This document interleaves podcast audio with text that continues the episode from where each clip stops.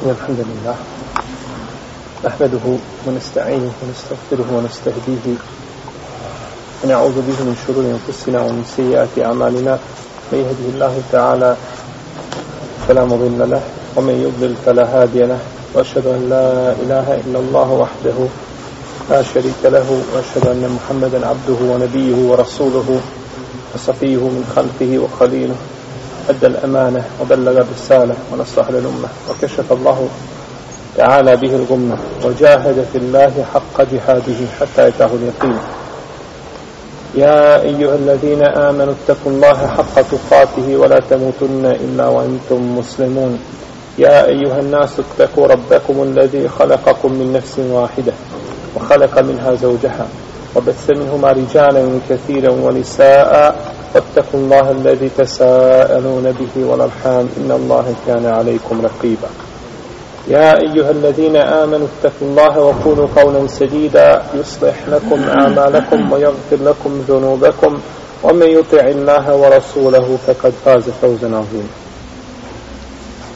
أما بعد فإن أصدق الكلام كلام الله تعالى وخير الهدي هدي محمد صلى الله عليه وسلم وشر الأمور محدثاتها وكل محدثة بدعة وكل بدعة ضلالة ثم أما بعد. Često se postavljaju pitanja da li se može po određenom pitanju dati mito ili ne može. Pa su to učestala pitanja da li je određena stvar mito ili nije mito. Pa ljudi ne mogu razlikovati kada je nešto mito, a kada nije mito. Pravilo pri mitu, na osnovu kojega možemo razlikovati da li je određena stvar mito, pa ulazi pod znači, značenje hadisa koji ukazuju na zabranu toga, jeste da čovjek uzima nešto što nije njegovo pravo putem mita. Što vam je pravilo koje ako primijenite, znači to uvijek da li određena stvar mita ili nije mita i nećete nikakve šubhe imati. Kada dolazite do određene stvari koja vam ne pripada putem mita. Na primjer, čovjek završio fakultet za učitelja. Nije bitno. I želi da se zaposli. I došao u biro zapošljavanje, ispred njega ima stotinu ljudi. I on bude sto prvi. I čeka šta? Red, čeka da stavi učitelj u penziji, da ti dođeš na red, tako? To je red. I tebi nakon tri mjeseca da stvarno čeka. Treba čeka dvije godine, ili tri, pet možda. Pa odeš, pa kažeš onome tamo u biro, možda se staraju sve tako to nije. Pa mu daš svot ili nakladu, nije bitno, i dođeš na da budeš naredi primjen i zaposlen. Jesi li uzeo pravo koje ti ne pripada? Jesi. Povrijedio si prava drugih ljudi i uzeo si znači pravo svoje, povrijeđujući prava drugih ljudi. To je mito. To je mito.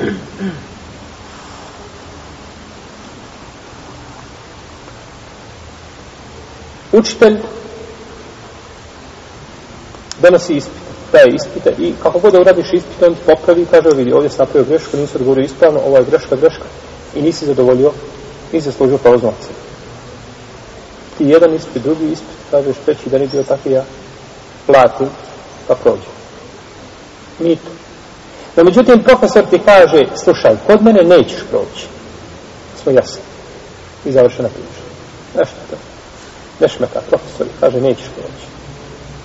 I ti uradiš ispit i pripremiš se, odgovoriš sve i on opet tamo stavi negativnu ocenu. Kaže, nećeš proći završena priča. I ti platiš da prođeš. Je li to mito? Nije. To nije mito. Ha? Jako bitno. Jer nisi uzeo šta? Ničije pravo i nisi uzeo ono što ne zaslužuješ. Ti zaslužuješ šta? Prolazno, a zaista da čovjek zaslužuje. Ti zaslužuješ prolazno, a on ti ne da.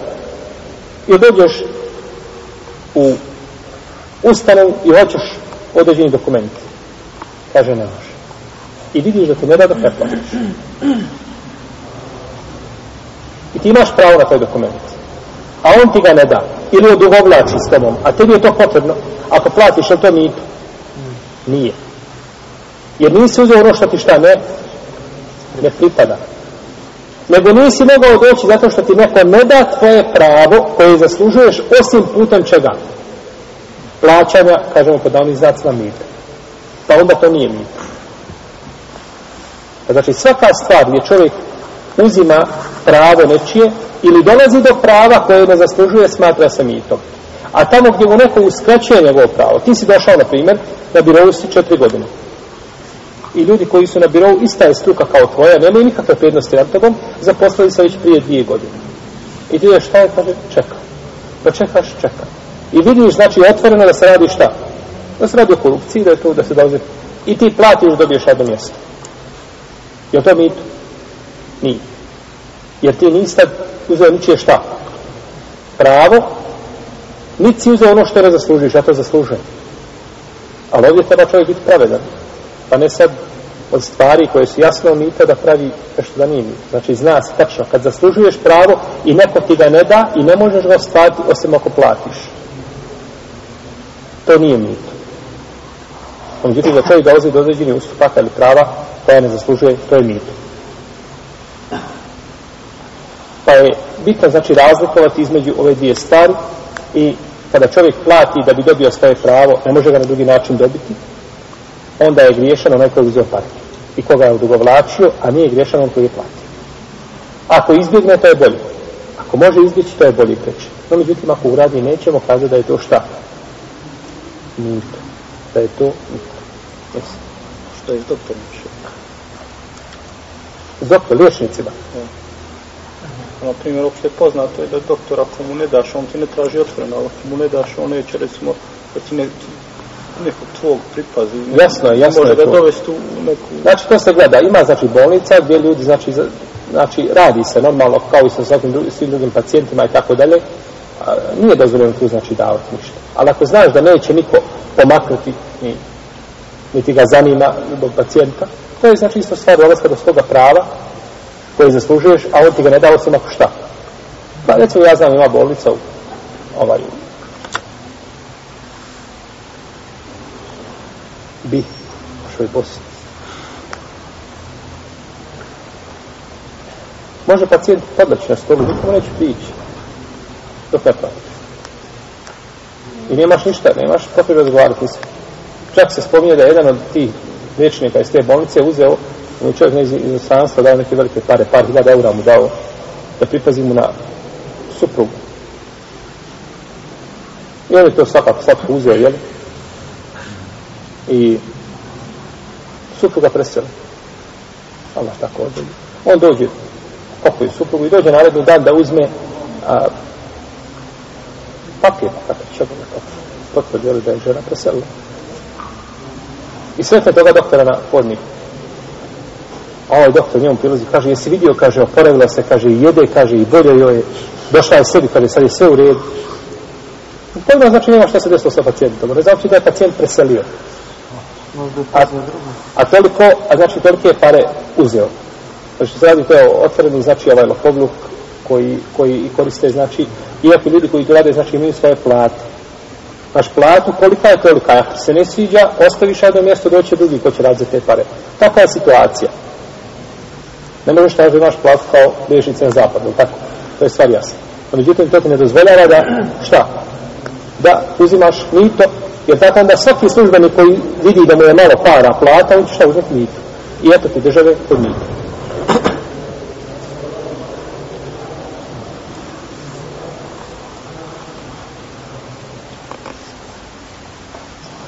Mi smo došli u našem zadnjem druženju do pitanja salatu duha. Nama, namaz, duha namaz. Ad duha kod hadijski ili kod, kod, kod fikskih stručnjaka je vrijeme otkako sunce oskoči za jedno koplje do pred podne nas To je vrijeme duha. U sunnetu poslanika sallallahu alaihi sallam se navode brojni brojni argumenti koji ukazuju na odliku ovoga namaza. Mi ćemo spomenuti par tih hadisa koji su potvrđeni od poslanika sallallahu alaihi wa sallam. Bliženo muslimu svome sahihu je Budavud, imam Ahmed i drugi, da je Ebu Zer rekao, kazao je poslanik sallallahu alaihi wa sallam,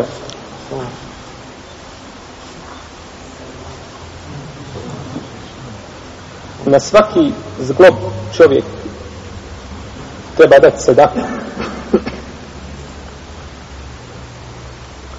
Svaki tespih je sadaka. Kada kažemo subhanallah. I svaki tahmid je sadaka. Kada kažemo alhamdulillah. I svaki tehlil wa kullu tehlilatin sadaka. Svaki tehlil kada kažemo la ilaha illallah. Wa kullu tekbiratin sadaka. I svaki tekbir je sadaka. I pozivanje na dobro i odvrćanje od zla je sadaka. A namjesto svega toga dolaze dva rekiata duha namaza.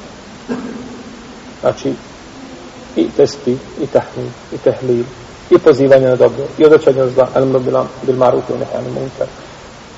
Sve je to sadaka, no međutim, sve to iskupljuju, znači, dva rekiata duha namaza.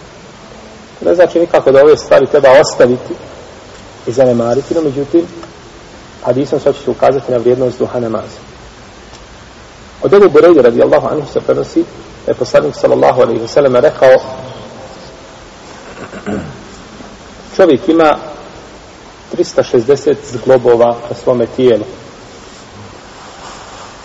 I treba dati za svaki zglob sadaku. Svaki zglob znači treba dati sadaku. Pa su rekli a ko je to u mogućnosti učiniti u Allahovu poslaniče Pa je rekao Rasulullah sallallahu alaihi wa sallame da čovjek prekrije pljuvačku koju vidi u džami, znači da je prekrepa pjeskom ili da ukloni nešto što smeta prolaznicima a ako ne može onda neka klanja dva rikjata duha namaza to će mu biti dovoljno kao sadaka za tih 360 zglobova. Hadis bilježi mame Budavod, imam Ahmedi, hadis je vjerodostojan.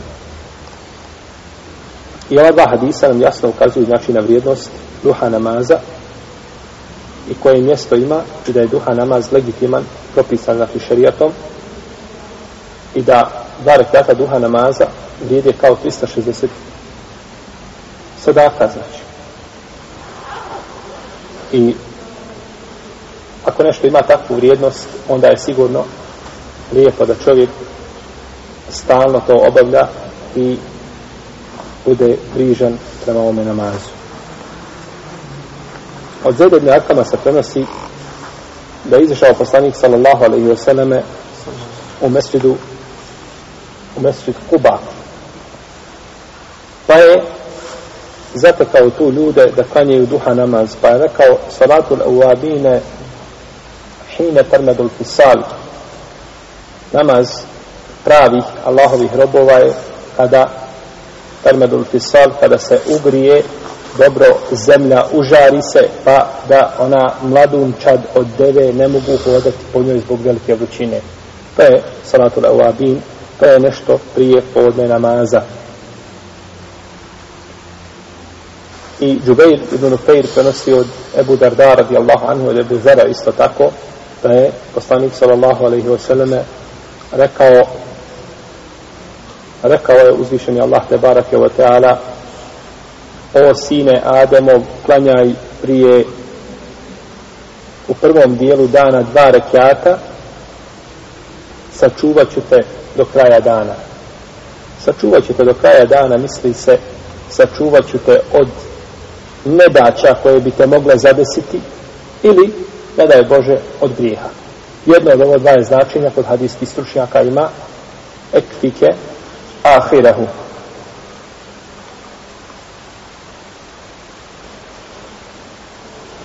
Abdullah ibn Amr radijallahu anhu prenosi da je poslanik sallallahu alaihi sallam poslao vojsku pa da su izišli blizu i da su se susreli sa neprijateljem i donijeli ratni plijen veliki i brzo se vratili. Pa su ljudi počeli pričati o njima kako su na za kratak period porazili neprijatelja i brzo ga našli, znači nisu se daleko udaljili i da su se brzo vratili. Pa Rasulullah sallallahu alaihi wa sallam rekao ashabima zar nećete kaže da vam ukažem na ono što je bliže od ovoga gdje su oni otišli da traže neprijatelja i veći plijen nego što su oni donijeli. I da će se se brže vratiti. Ko se abdesti potom ode u džamiju da klanja duha namaz. On je kaže izišao bliže nego što su oni izišli i došao je sa većim prijenom i brže će se vratiti svoje kući nego što su oni vratili. Hadis bileži imam Ahmed kaže šeha Albani da je vjerodostojan kaže šeha Albani da je hadis vjerodostojan dakle ljudi su izišli da se bore na Allahom tabarak wa ta'ala put i vratili se sa plijenom i sa svojim džihadom, no međutim, kaže, dva rekata duha namaza su, kaže, bolji to. Ovo znači ukazuje na vrijednost namaza. Svakako ne želim se ovim a, poništiti, znači vrijednost borbe na Allahovom putu nikako, ali se ukazuje znači na vrijednost namaza, jer je čovjek stvoren da obožava Allaha Đelšanu, a od najvećih, znači ibadeta svome stvorite Tebara Hvala jeste namaz. I namaz je sigurno najvrijednije djelo koje čovjek može uraditi svojim rukama, a najopasnije je da čovjek ostavi šta? Namaz. To je najopasnije. Najgori zločin koji može počiniti svojim udovima jeste da ostavi namaz. To je kod Allaha te bare koje veći grije nego da uradi, ne znam, šta drugo od zla koje može učiniti. Hukmu salati duha.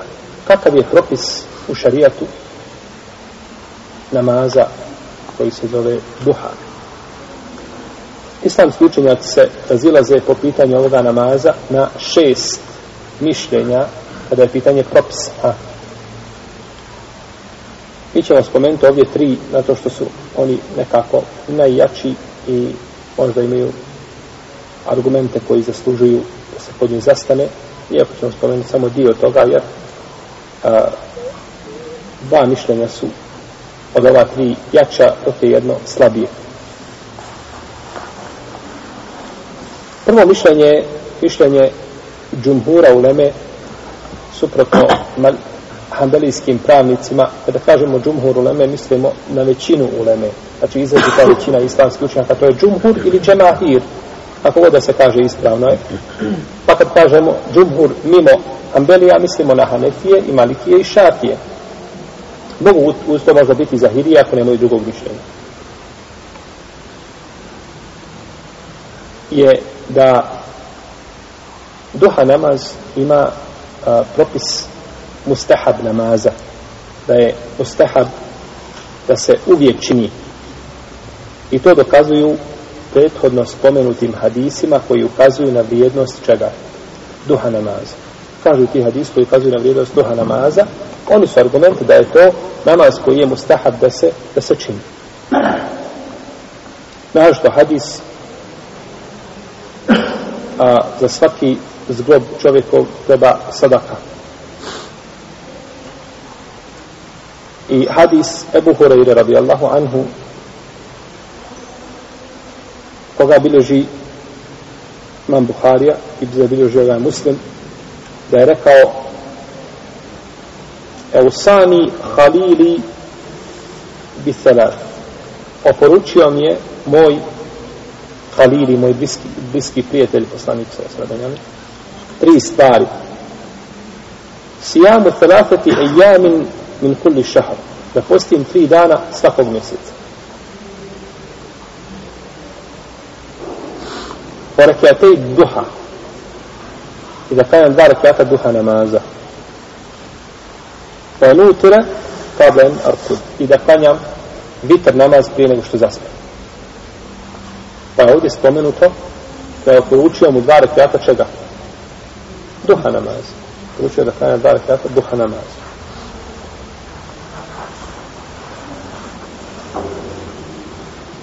I pitala je العدوية رضي الله عنها عائشة رضي الله تعالى عنها. بل يتساني صلى الله عليه وسلم دوها كاجي نام أربعا ويزيد ما شاء. يستقام يعني كاجي شتر ركعات إدادة وبناتو شتا بكتير znači klanjao bi još isto koliko bi htio. Kaže Hafez ibn Hajar al-Asqalani, Hafez ibn Hajar al-Asqalani, da je imam Hakim Ebu Abdullah Ennej Saburi poznati znači Hakim koji ima svoj svoje dijelo.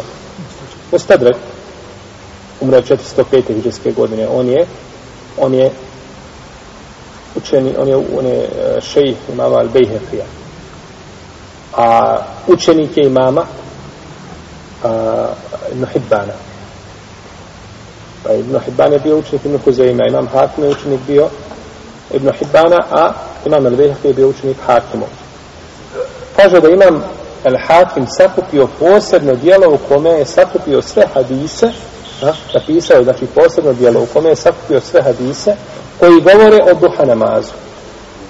I vidio je da oko 20 ashaba poslanika, sallallahu alaihi wasallam, prenosi te hadise.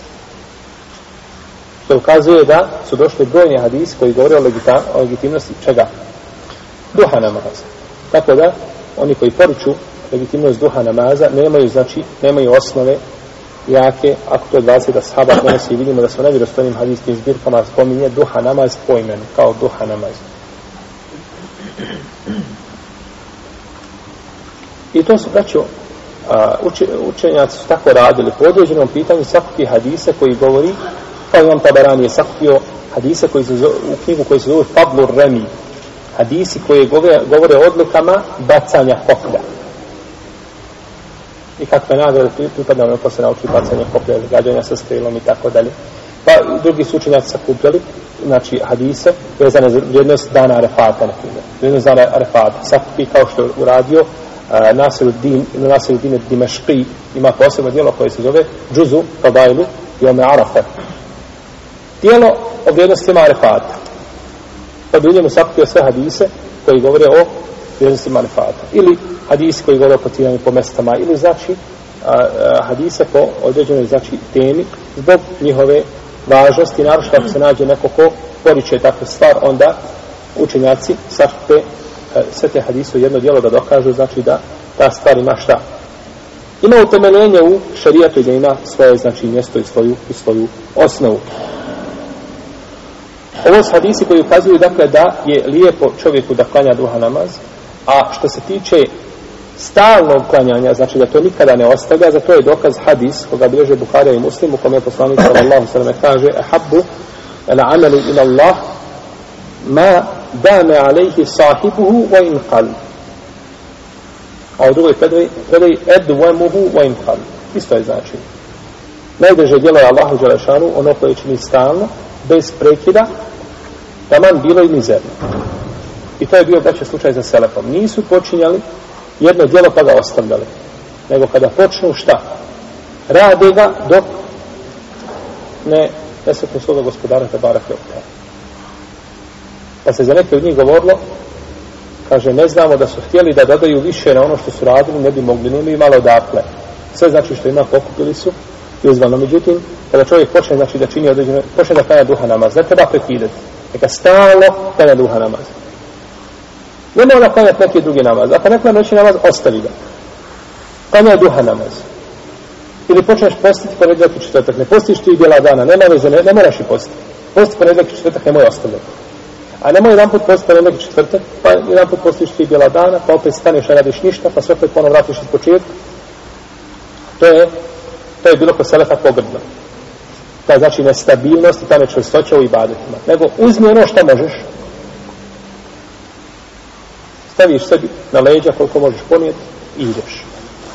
To je bolje nego da uzmeš koliko ne možeš nositi pa ti to slomi na pola puta. Drugo mišljenje da je duha namaz mustahab ali ne uvijek. Znači da se ponekad čini, a da se ponekad ostavi. I to je mesec ambelijski učenjaka. Oni to dokazuju hadisom Ebu Sejid al-Hudrija koga bilježi imam Tirmizi i Ahmed i drugi u kome kaže poslanik s.a.v. je klanjao duha namaz tako da smo govorili neće ga nikada ostaviti. I ostavljao bi ga da smo govorili neće da klanja. Pa je znači i klanjao i ostavljao. I ovaj hadis je jak argument šta? Učenjacima handelijskog meseba, no međutim problem je što je hadis dajiv. Problem je u slabosti hadisa. Ispravno je da je hadis daif, da nema znači prihvatljiv lanac prenosilaca. I dokazuje to hadisom koga prenosi Anas ibn Malik, koga bliži imam Buhari u svome sahihu, u kome je pitan je li poslanik sam klanjao duha namaz, kaže nisam ga vidio da je klanjao duha namaz osim taj dan. Samo je taj dan klanjao duha namaz. Jedan sam ga dan vidio da je klanjao šta? Duha namaz. Pa je dokaz da je Anas vidio samo poslanika, samo, samo jedan put da je klanjao duha namaz. Hadis Aisha radijallahu ta'ala anha da je kazala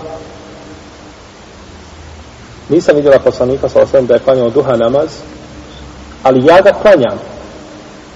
Jer poslanik sallallahu alaihi wa sallame je ponekad ostavljao činjenje određenih stvari bojeći se da ga ljudi ne budu slijedili u tome pa da onda budu te stvari da ti ibadeti propisani ljudima pa je kazala razlog zašto je poslanik sallallahu ostavljao činjenje određene stvari.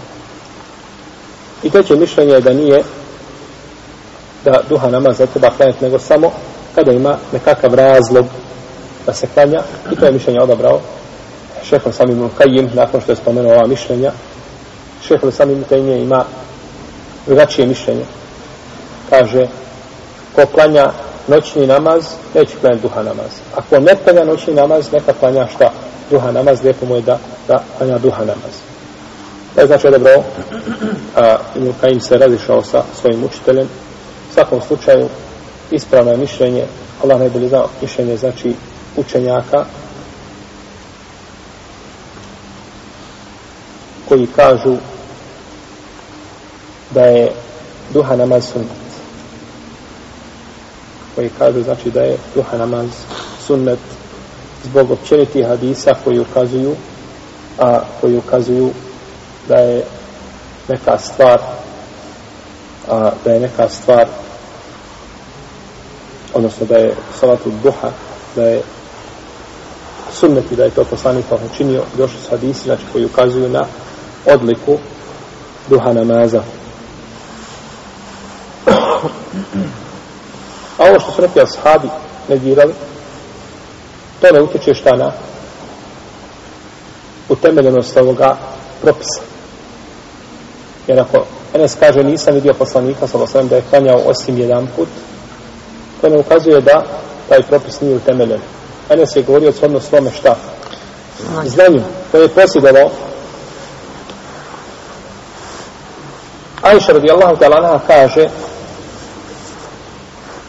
ko vam kaže da je poslanik sa osame obavljao malu fiziološku potrebu stojeći, nemojte mu vjerovati.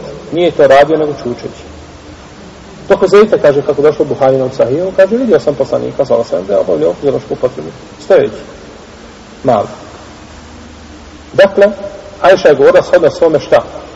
Znanje. A Huzeyfa je imao dodatno znanje, koje nije imala Ajša radi Allah. Ili je Ajša govorila shodno onome što se dešavalo u njenoj kući.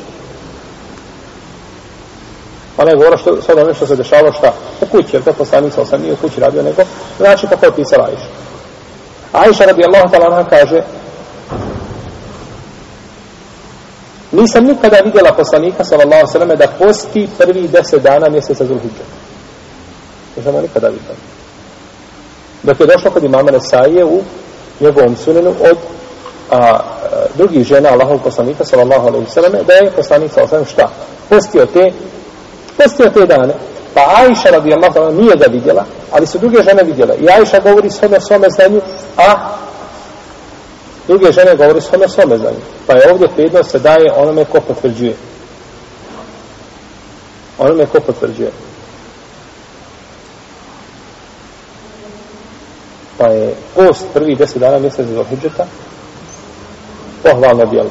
da čovjek posti prvih devet dana, znači deseti dan se svakako ne posti, jer je to dan Arefat, dan e, Bajram. Dok prvi deset dana, kaže poslanik sa osrame u hadisu, koga bilježe Buharija i Muslim od Ibn Abbasa, nema ni jednog dijela koje je deže Allahu od onoga dijela koje su učinili prvi deset dana. Kažu Allahom poslaniče, zar ni džihad na, na Allahom putu, kaže ni džihad na Allahom putu, osim čovjeka koji iziđe sa svojim imetkom i svojim životom, pa se ne vrati ni on i njegov imetak. E samo ta vrsta borbe je bolja od dobrih dijela koja se učine ovih deset dana.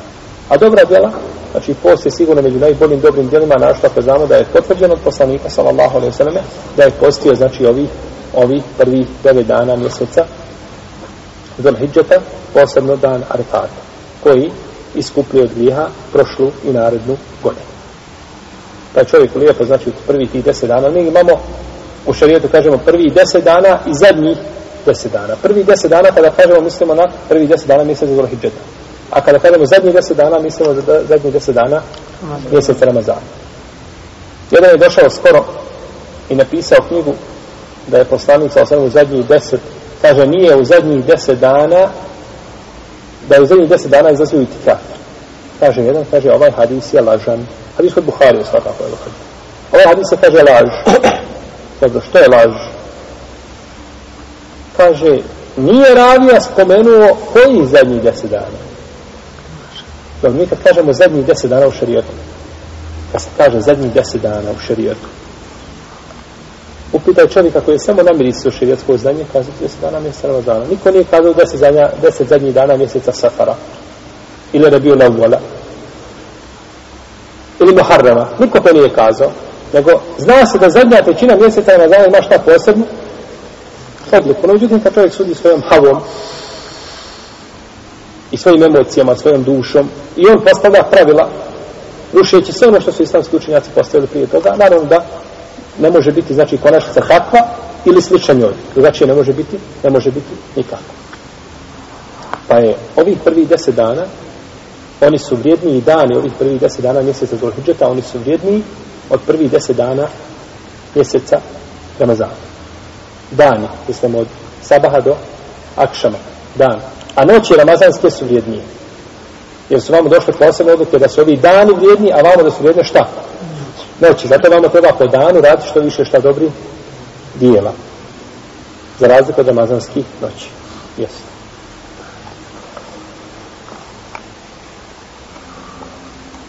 I to što se navodi nekim predajem da je poslanik sa osanem ponekad da je ostavljao kada je uzeo te predaje, to ne ukazuje da je to djelo šta?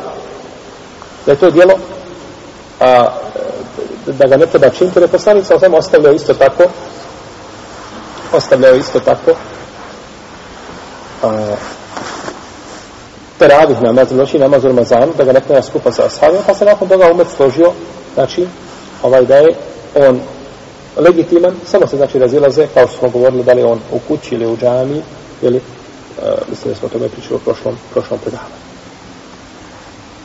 Vrijeme duha namaza. Kada počinje duha namaz? Tako da, nemojte znači zaboraviti ovih deset dana mjeseca za Zulhidžeta, Možda ima nešto treba više progovoriti, ne znam da ću mi vremena za to, ali uglavnom e, mislim da se o tome i prije i ranije govorilo i pričalo.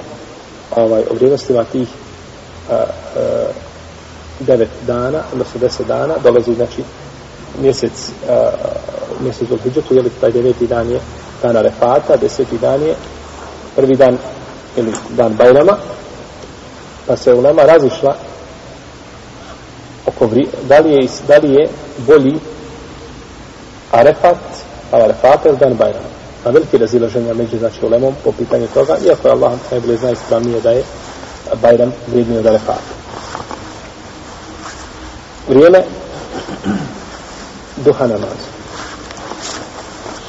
Duha namaz počinje nakon što se sunce podigne za jedno koplje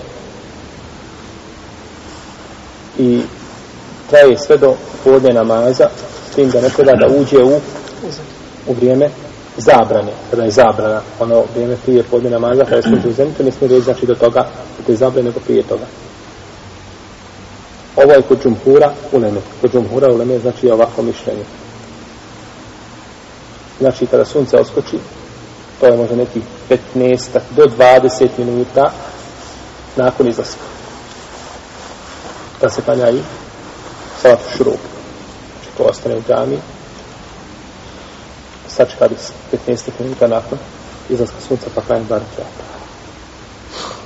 A najbolje vrijeme je da se odgodi duha namaz zato što je poslanik sa osam rekao salatu la uabim hine fermedul fisal namaz e, iskrenih ili odanih Allahovi robova koji se njemu vraćaju je znači kada se užari zemlja broj rekiata koji se klanjaju. Nema razilaženja rekla među ulemom da je duha namaz znači a, kod onih koji kažu da je duha namaz legitiman da se najmanje klanja dva rekiata. Zbog hadisa poslanika sa osrame a sve to mijenjuju dva rekiata duha namaza i hadis Ebu Horere i oporučio me poslanik sa osrame to to i rekao je na kraju da klanjam bar kata duha namaza a međutim razilaze se po pitanju najvećih broja odnosno gornje granice rekiata duha koliko se može klanjati na nekoliko mišljenja. Prvo je da se može klanjati osam rekiata I to je mezheb Malikija i Šafija i Hanbelija. Zbog hadisa Umu Hani je kaže da je poslanik s.a.v. ušao u njenu kuću na dan oslobođenja Mekke i da je klanjao osam rekiata. Drugo mišljenje je da je najviše 12 rekiata i to je stav hanetijskih učenjaka i jedno slabo mišljenje kod šafijskih pravnika i rivajet ili verzija od imama Ahmeda a, dokazuje to hadisom Enesa da je poslanik sallallahu alaihi wasallam rekao ko klanja duha namaz 12 rekiata Allah će mu sagraditi dvorac u džennetu hadis bilježi imam Tirmizi i Ibn Mađe sa slabim lancem prenosilaca da je rodostojan bio bi kategorični, kategoričan znači dokument, e, d, d, d, argument, znači kada je u pitanju broj rekiata duha namaza. I treće mišljenje je da duha namaz nije ograničen po broju rekiata. I ovo je odabrala skupina učenjaka iz prvih generacija. I to mišljenje podržao i autor djela o tome govorimo. A, rekao je, navodi tu kao dva argumenta, kaže prvi hadis Muaze Radevije radijallahu ta'ala kada je došla Ajša radijallahu ta'ala i rekla joj da li je poslanica o sanom klanjao duha namaz kaže jeste klanjao je duha namaz četiri rekiata i dodavao je na to šta bi želio. I dodavao je na to šta bi želio. To znači dodavanje na četiri rekiata može biti ovaj i više od osam i više od dvanest Allah zna koliko.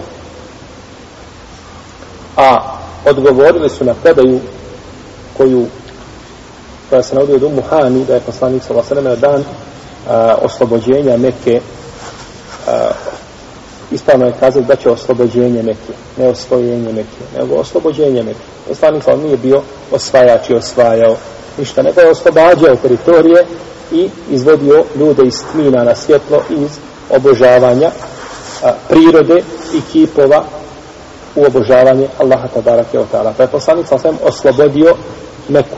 Pa kada je ušao, znači na dan oslobođenja Mekke u kuću u Muhani, klanjao je osam, osam rekiata duha namaza. Ulema kaže, ovo nije duha namaz bio. Nego je bio salatu tek namaz za oslobođenje ili namaz za oslobođenja, zahvala Allahu te baš za zbog oslobođenja, znači Mekke.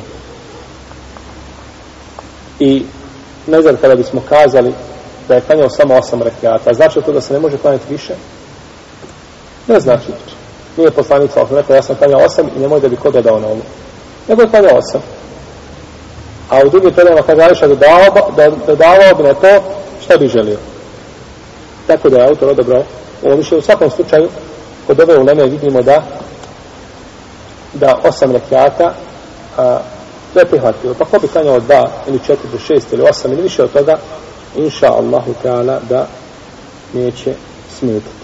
I ovo je, braćo Allahova te barak tala milost, da je znači učinio nama dobrovoljne namaze, da se pripremimo sa njima za farzove s jedne strane i da na sudnjem danu kada čovjeku bude najpotrebnije, kada ne bude bilo ovaj, kada budu možda farzovi do, do, dovedeni u pitanje, njihova ispravnost ili dijelovi njihovi, da se to namiri sve sa dobrovnim namazima. Pa tako da imamo jednu široku lepezu, znači dobrovoljnim namaza, pa čovjek treba koliko može da a, da čini, znači te namaze, jer sigurno na sudnjem danu, da će dva rekiata bilo koga ovoga namaza biti mu značajniji nego da je posjedilo sa dunjalku svojim rukama. Pa je to blagodat Allaha za uđer koji trebamo iskoristiti od njegove pokornosti, naročito u ovih prethodećih deset dana, jel, mjesece do Hidžeta. Nijem Allah te barake od tamo danas. Pouči našu vjeri sunetu poslanika sallallahu alaihi wa sallam. Čini naša djela.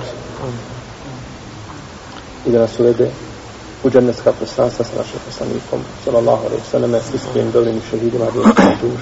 Allah da nam, Sallallahu alaihi wa sallam. Wa ala alihi wa sallam.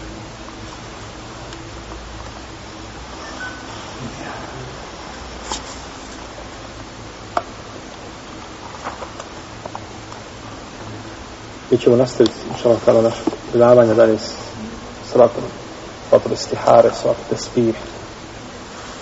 I to nakon, nakon, inša Allah, tala hađa. Prvo predavanje bit će, inša Allah, tala 8. ili 15. 8. januara. 8. januar je utorak.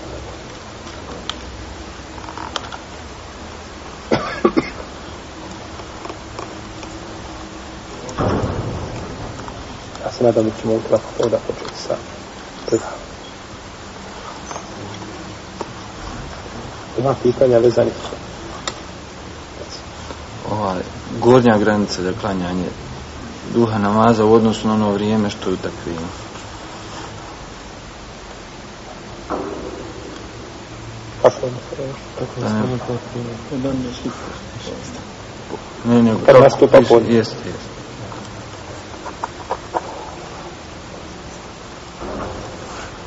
Znači prije koliko se treba prestiti ili se duha Yes. namaza? To je možda neki desetak, eventualno 15 minuta. Jer sunce, kada ulazi, znači, počne ulaziti u zemlju, dok se ne nađe u zemlju, dok ne iziđe iz zemlje. Znači, neki 10 najviše do 15 minuta trebalo bi izbjegavati, znači, prije nastupa podnevskog vremena. Jer kad nastupi podnevsko vrijeme, tada je prošlo šta? Zabrana. Tada je prošla zabrana. Jesu. Isto vrijeme duha namaza i džume namaza. Je li isto vrijeme duha namaza i džume namaza? Pa jeste kod nekih učenjaka. Kod nekih učenjaka jeste. Kod hambelijskih pravnika džuma namaz je i duha namaz u isto vrijeme. Pa bi se kod njih džuma namaz mogla klanjati prije, prije podne namaza. I imaju zato argumente jake. Ma hadis Denese ibn Malik i drugi ashaba kod Buharije. Kaže, vraćali smo se sa poslanikom, sallallahu sallam, a petkom poslije džume, a ne bi niko od nas mogao naći sebi hlada da se zakloni u hladu. Znači da je sunce bilo u zenitu. Ili negdje blizu zenita. Pa znači nije, jer dok je poslanik, poslanik sa osrame dolazio, odulio bi nama za sahabima. A, znači, ukazuje da je bio prije toga. Ili predaja, recimo, predaja da su ashabi spavali hajlulu svaki dan spavali bi a petkom prije, prije podne namaza a petkom bi spavali poslije podne petkom bi spavali ili kaže ashabi spavali smo petkom poslije namaza što kaže iz drugim danima spavali šta prije namaza ali petkom Pa to u nama, znači, ima, ima dosta hadisa, znači, koji ukazuju da bi, da bi mogla džuma namaz biti to vrijeme. Iako je džumhur u leme na mišljenju da je vrijeme podne namaza, da je to vrijeme džume namaza. I to je sigurnije i to je preče. To je sigurnije i to je preče. A međutim, ko bi praktikovao prije toga klanjati, držati se tog mišljenja zbog tih hadisa, Jedino u tome slučaju ne bi mogao spojiti džumu namaz sa ikindijom namaz, namazom kod onih učenjaka koji dozvoljavaju spajanje čega? Džume i ikindije. Jer je tada tada podne nije palo, e, džuma nije pala u podnevsko vrijeme. Da bi to bila, znači između njih bi bio ovaj vremenski paravan, pa se ne bi mogli spojiti namaz. Reci. Ah. Pa na njenu ženana znao da odbjera. Babo mi je umro juče. Ženada je sutra, a babo mi je bio odbjera.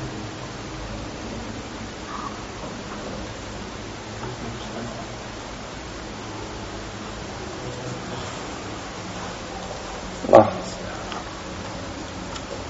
Allah popravi stanje ljudi.